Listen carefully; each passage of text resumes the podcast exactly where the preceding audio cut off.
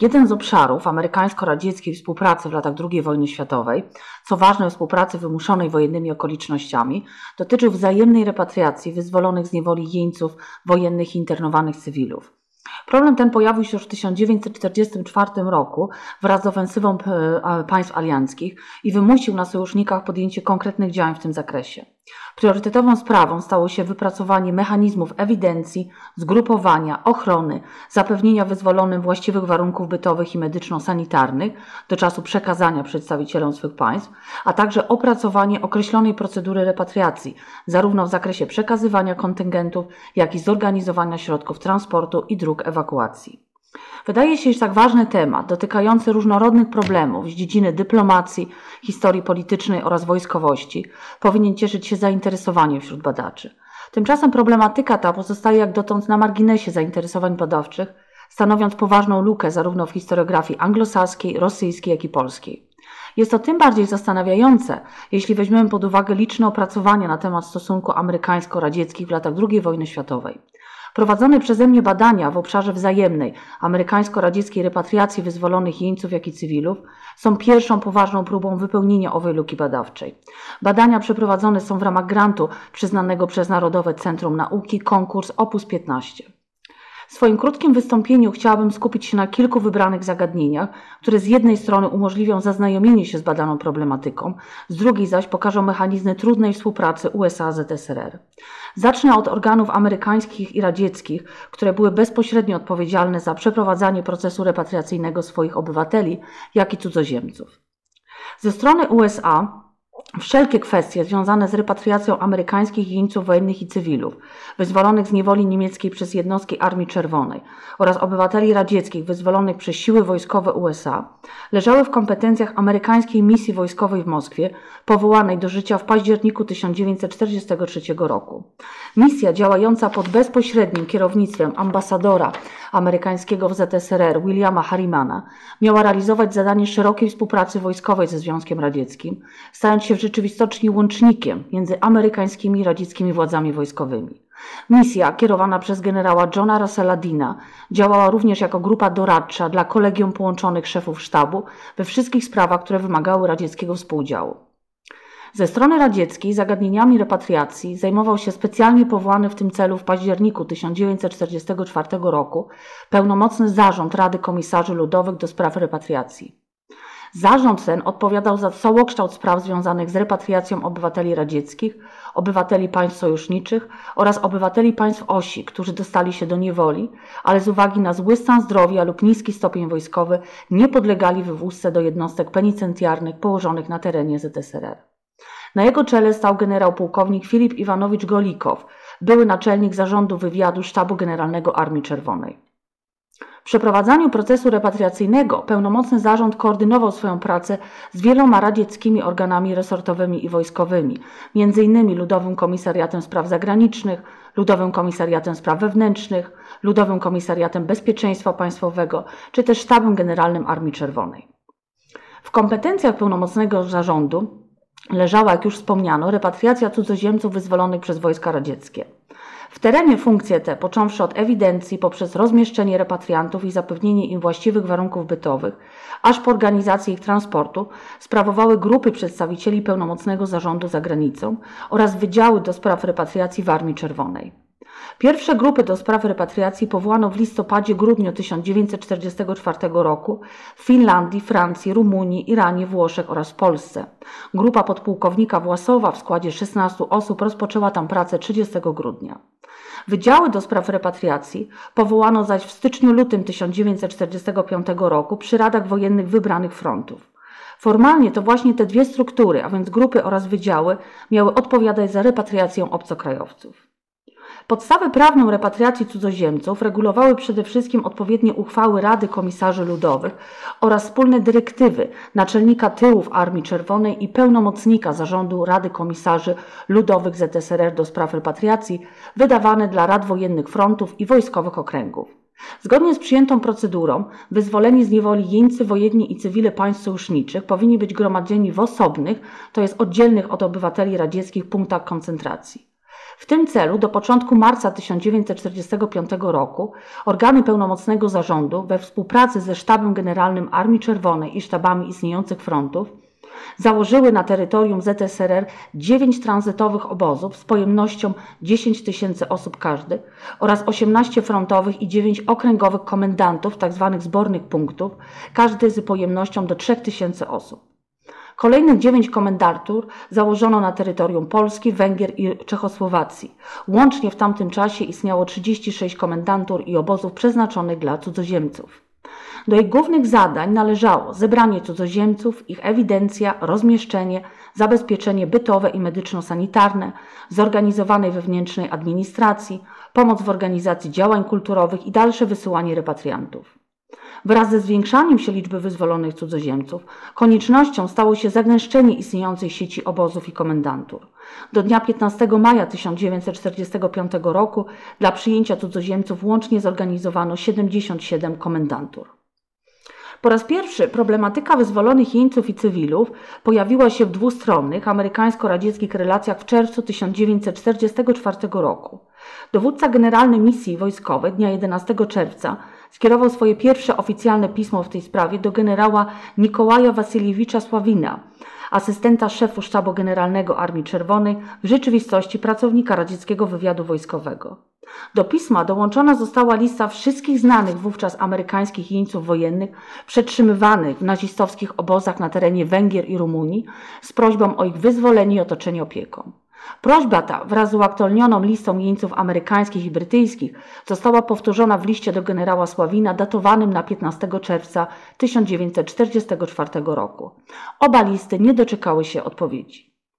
Kolejne działania podjęto w dniu 1 sierpnia 1944 roku, kiedy generał Dean w liście skierowanym do radzieckiego sztabu generalnego poprosił o wyrażenie zgody na przyjazd amerykańskich oficerów do wybranych obozów, w których przetrzymywano wyzwolonych jeńców, w celu potwierdzenia ich obywatelstwa, otoczenia opieką oraz opracowania wspólnie z radzieckimi przedstawicielami szczegółowego planu ich ewakuacji. Ten, jak i kolejne listy generała Dina w tej sprawie również nie doczekały się odpowiedzi. W dniu 30 sierpnia w sprawę zaangażował się amerykański ambasador ZSRR Harriman, który w liście adresowanym do Wiaczesława Mołotowa, ludowego komisarza spraw zagranicznych ZSRR, przedstawił proponowane działania w związku ze wzajemną repatriacją jeńców wojennych internowanych cywilów oraz zasugerował konieczność jak najszybszego opracowania radziecko-amerykańskich ustaleń dotyczących procesu repatriacyjnego wyzwolonych. Postulaty Harrimana dotyczyły m.in. zagwarantowania szybkiej, ciągłej wymiany informacji na temat lokalizacji obozów jenieckich oraz wyzwolonych grup jeńców internowanych, a także zagwarantowania amerykańskim i radzieckim oficerom dostępu do wyzwolonych obozów celem przejęcia kontroli nad wyzwolonymi do czasu ich ewakuacji. Jedyna odpowiedź, jaką udało się wówczas otrzymać od radzieckich przedstawicieli, była bardzo lakoniczna, a mianowicie Sztab Generalny Armii Czerwonej pracuje nad tematem. Mimo wielokrotnych próśb Amerykanów o zorganizowanie spotkania wypracowującego ogólną politykę dwóch państw wobec wyzwolonych jeńców, strona radziecka nie reagowała.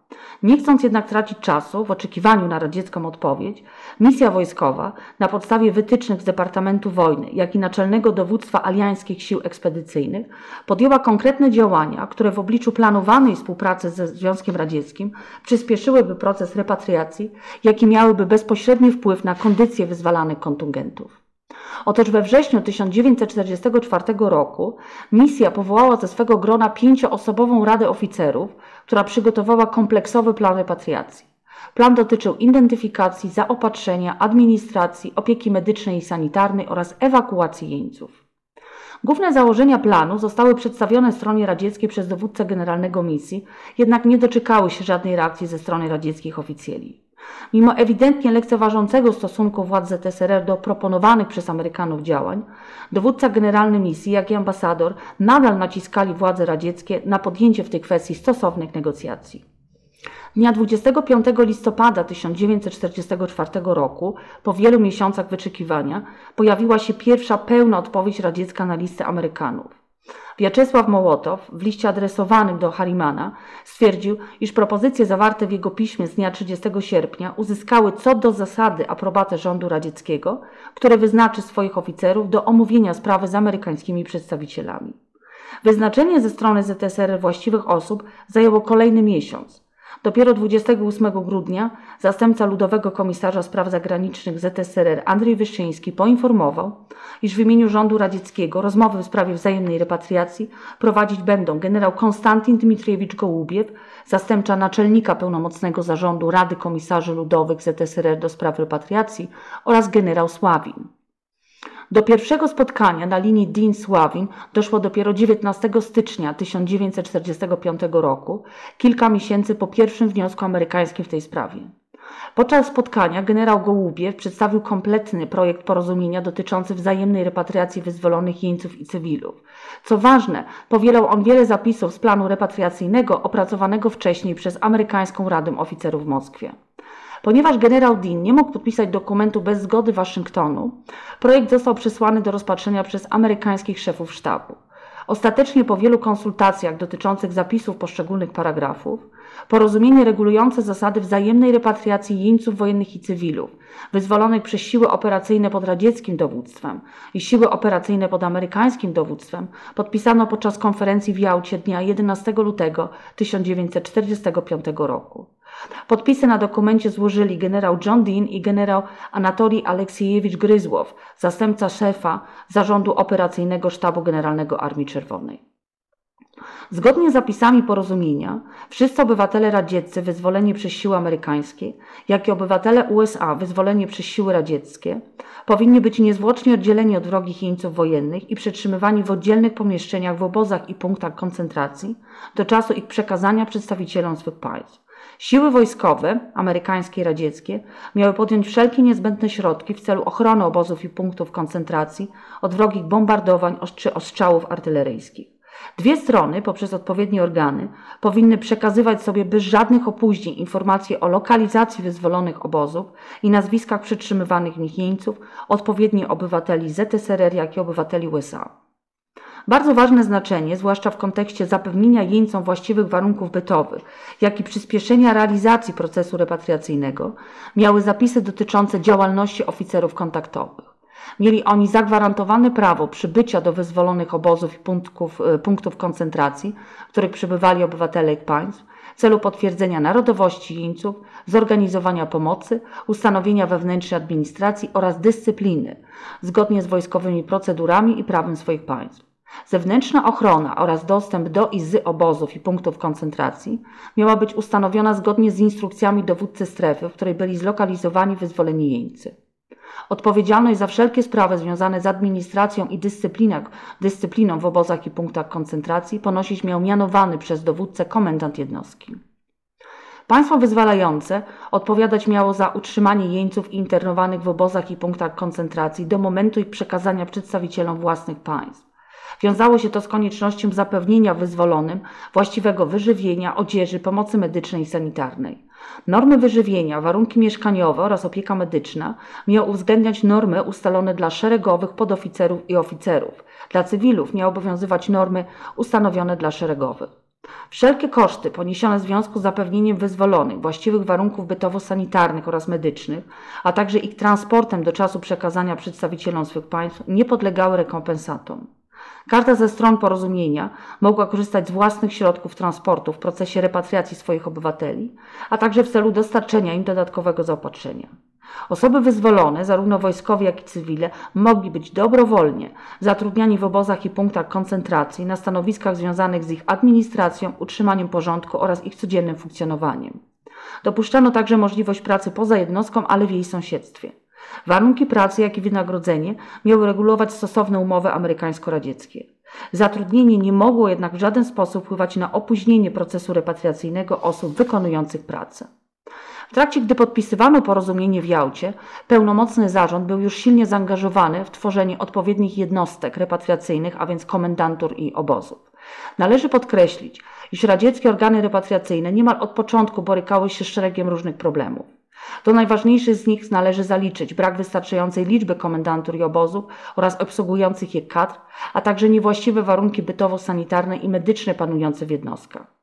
Zdecydowana większość założonych na początku 1945 roku jednostek miała niedobór personelu od 30 do 40%, zaś personelu medycznego nawet do 80%. Problemy te narastały wraz z systematycznym zwiększaniem się liczby repatriantów, zarówno obywateli radzieckich, jak i cudzoziemców. Znaczna część obcokrajowców, głównie Polaków, Amerykanów, Anglików i Francuzów, nie podlegając żadnej ewidencji, z pominięciem punktów zbornych, przedostawała się wraz z potokiem obywateli radzieckich do Polski lub dalej na wschód, aż na terytorium państwa radzieckiego, docierając m.in. do Moskwy. Od momentu wyzwolenia z niemieckiej niewoli, aż do chwili przekazania przedstawicielom swych państw, obywatele państw alianckich przebywający w radzieckich komendanturach i obozach podległych pełnomocnemu zarządowi mieli być odżywiani według normy numer 2 ustanowionej dla żołnierzy i oficerów Armii Czerwonej. Norma podstawowego przydziału składała się z wielu produktów, które w zasadzie pozostawały tylko na papierze. Podstawę wyżywienia stanowił chleb z mąki żytniej wydawany oficerom w miesiącach październik-marzec w ilości 900 gramów dziennie, zaś w miesiącach kwiecień-wrzesień w ilości 800 gramów dziennie. Norma chleba dla żołnierzy bez stopnia oficerskiego wynosiła 800 gramów w okresie zimowym oraz 700 gramów w okresie letnim. Spełnienie tych norm należało do rzadkości, co wynikało głównie z deficytu produktów. Przepisy regulowały także medyczno-sanitarne zabezpieczenie kontyngentów, m.in. obowiązkowa kąpiel i dezynfekcja odzieży po przyjeździe do jednostki, hospitalizacja chorych, jednak z uwagi na brak właściwych miejsc, ambulatoriów czy szpitali oraz podstawowych medykamentów, przepisy te w rzeczywistości były fikcją. Dużą rolę w pracy organów repatriacji zajmowała obligatoryjna praca polityczno-wychowawcza prowadzona w punktach zbornych, obozach i w czasie podróży. Jej głównym celem było umocnienie sympatii i przyjaźni wobec ZSRR, planowane odegranie przez wyzwolonych ważnej roli w duchu demokratycznym swoich państw, jak i w kwestii umocnienia pokoju na świecie.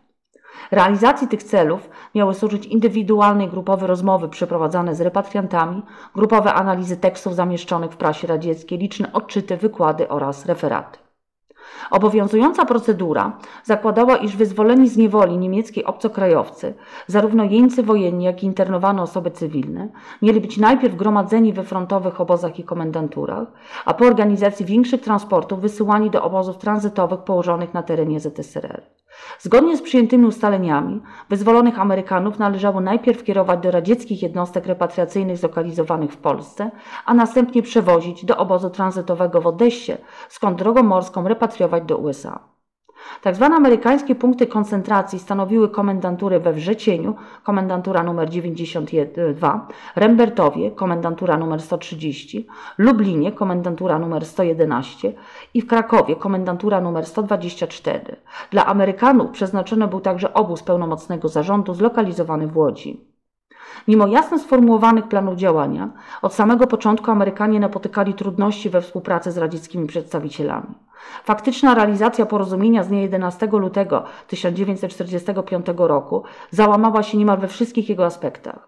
Część wyzwolonych jeńców musiała sama zorganizować sobie podróż z Polski do Moskwy, autostopem czy koleją, skąd w wagonach towarowych przewożono ich do Odessy. Podczas pobytu w Polsce Amerykanie polegali w olbrzymim stopniu na pomocy udzielanej im przez Polaków i Polski Czerwony Krzyż. Zachowane relacje byłych amerykańskich jeńców wojennych wskazują jednoznacznie, iż w punktach koncentracji panowały niesamowicie trudne warunki bytowe, najgorsze w Rembertowie. Były to przepełnione jednostki, małe ilościowo i pozbawione wartości odżywczych wyżywienie, brak wystarczającej ilości pościeli, brak sanitariatów, słabe ogrzewanie, brak ciepłej wody. Należy także podkreślić, iż na ciężki okres przebywania w radzieckich jednostkach repatriacyjnych miał też wpływ brak kontaktu z amerykańskimi przedstawicielami. Strona radziecka wykorzystywała ten fakt, do którego zresztą sama doprowadziła, argumentując, iż nieobecność przedstawicieli władz USA świadczy o obojętności państwa amerykańskiego wobec swych obywateli. Co ciekawe, początkowo strona radziecka zaprzeczała istnieniu amerykańskich punktów koncentracji w Polsce, twierdząc, iż jedynym takim punktem był obóz tranzytowy w Odessie. Władze radzieckie nie zgadzały się również na dostarczanie leków i żywności do jednostek, w których przebywali obywatele amerykańscy. Wyrażono zgodę jedynie na dostarczenie zaopatrzenia do obozu w Odessie. Nie zgadzano się również na ewakuację chorych i rannych, a także nie informowano przedstawicieli USA o lokalizacji wyzwolonych obozów i liczbie przytrzymywanych w nich Amerykanów. Olbrzymie trudności związane były również z działalnością amerykańskich zespołów oficerów kontaktowych, z czym wiązała się bezpośrednio organizacja wszechstronnej pomocy dla wyzwolonych. Po wielu prośbach i naciskach, ostatecznie 14 lutego 1945 roku, wydano zgodę na wizytę zespołu oficerów kontaktowych w Lublinie. W skład tzw. Tak lubelskiego zespołu wchodzili podpułkownik James Wilmette, podpułkownik Curtis Kingsbury jako lekarz wojskowy oraz kapral Paul Kissel jako tłumacz. Dnia 17 lutego samolot z załogą miał wystartować z Połtawy, jednak podpułkownikowi Wilmetowi odmówiono zgody na lot. Dopiero po interwencji generała Dina udało się uzyskać stosowne pozwolenie. Zespół dotarł do Lublina 27 lutego. Mimo iż przed wyjazdem Wyszyński zapewniał ambasadora, iż zespół będzie mógł udać się w dowolne miejsce w Polsce, gdzie przebywali amerykańscy jeńcy wojenni, pod warunkiem uzyskania zgody polskiego rządu, czytaj komunistycznego, oraz gdy odległość punktów od linii frontu będzie w bezpiecznym odstępie, zespół nie mógł opuszczać terenu miasta.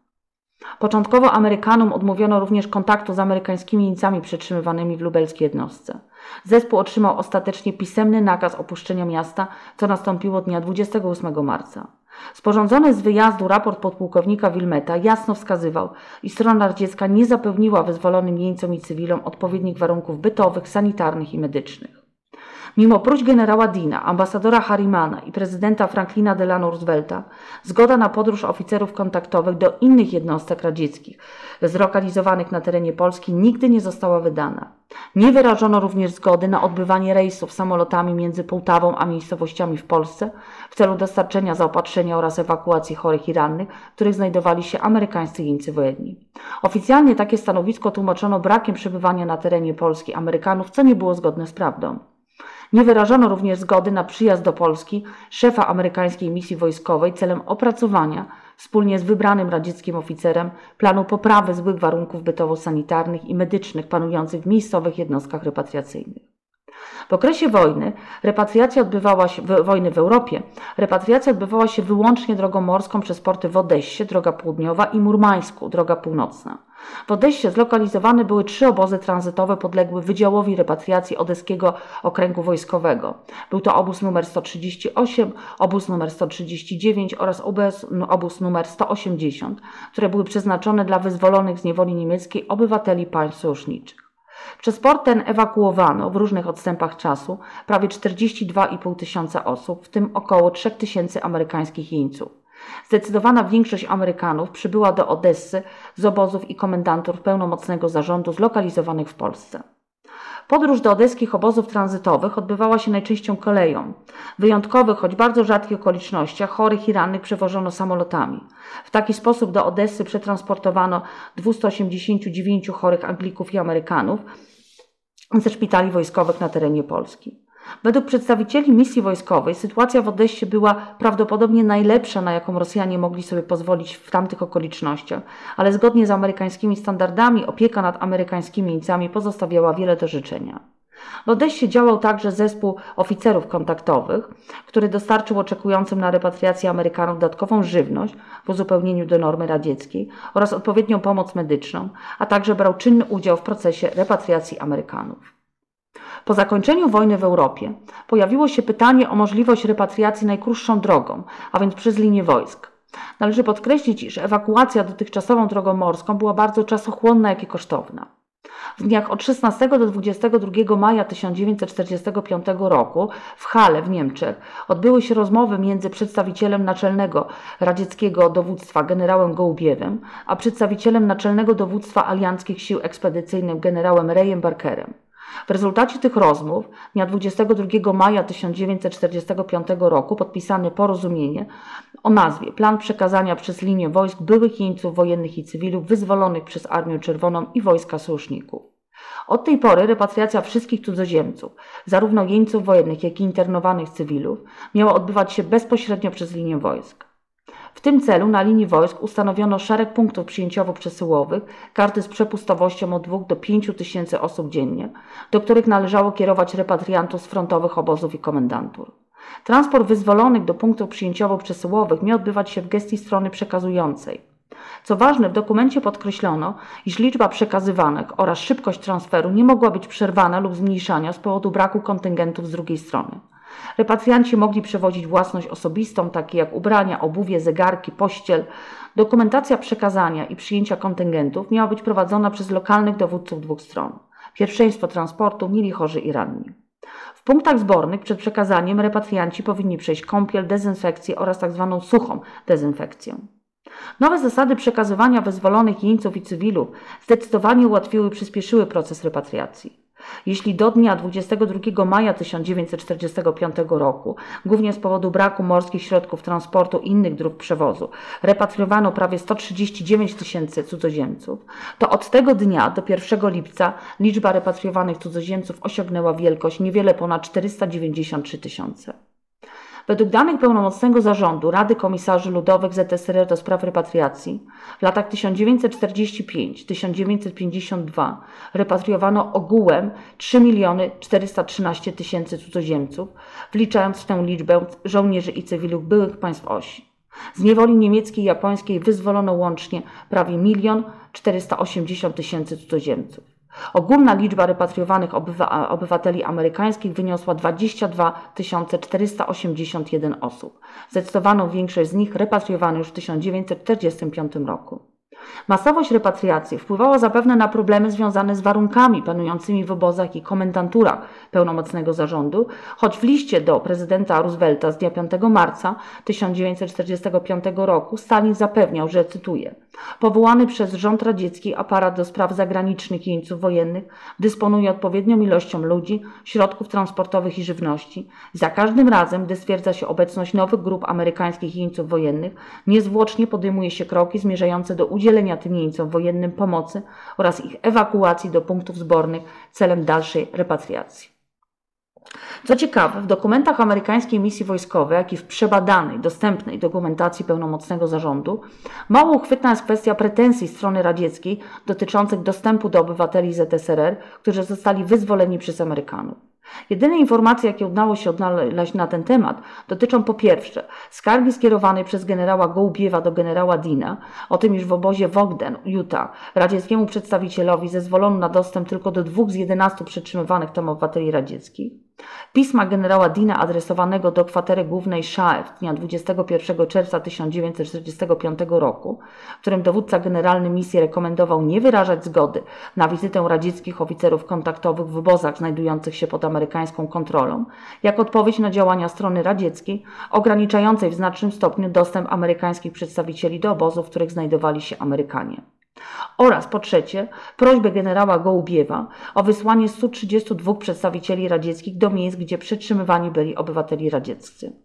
Na sugestię generała Dina, iż tego samego domagała się strona amerykańska odnośnie jednostek zlokalizowanych w Polsce, a prośba ta została odrzucona, generał Dean, śmiejąc się, powiedział, cytuję, iż uważa, że to, co zrobił podpułkownik Wilmet, może być porównane do pracy 60 ludzi. W rzeczywistości grupa Wilmeta liczyła tylko trzy osoby.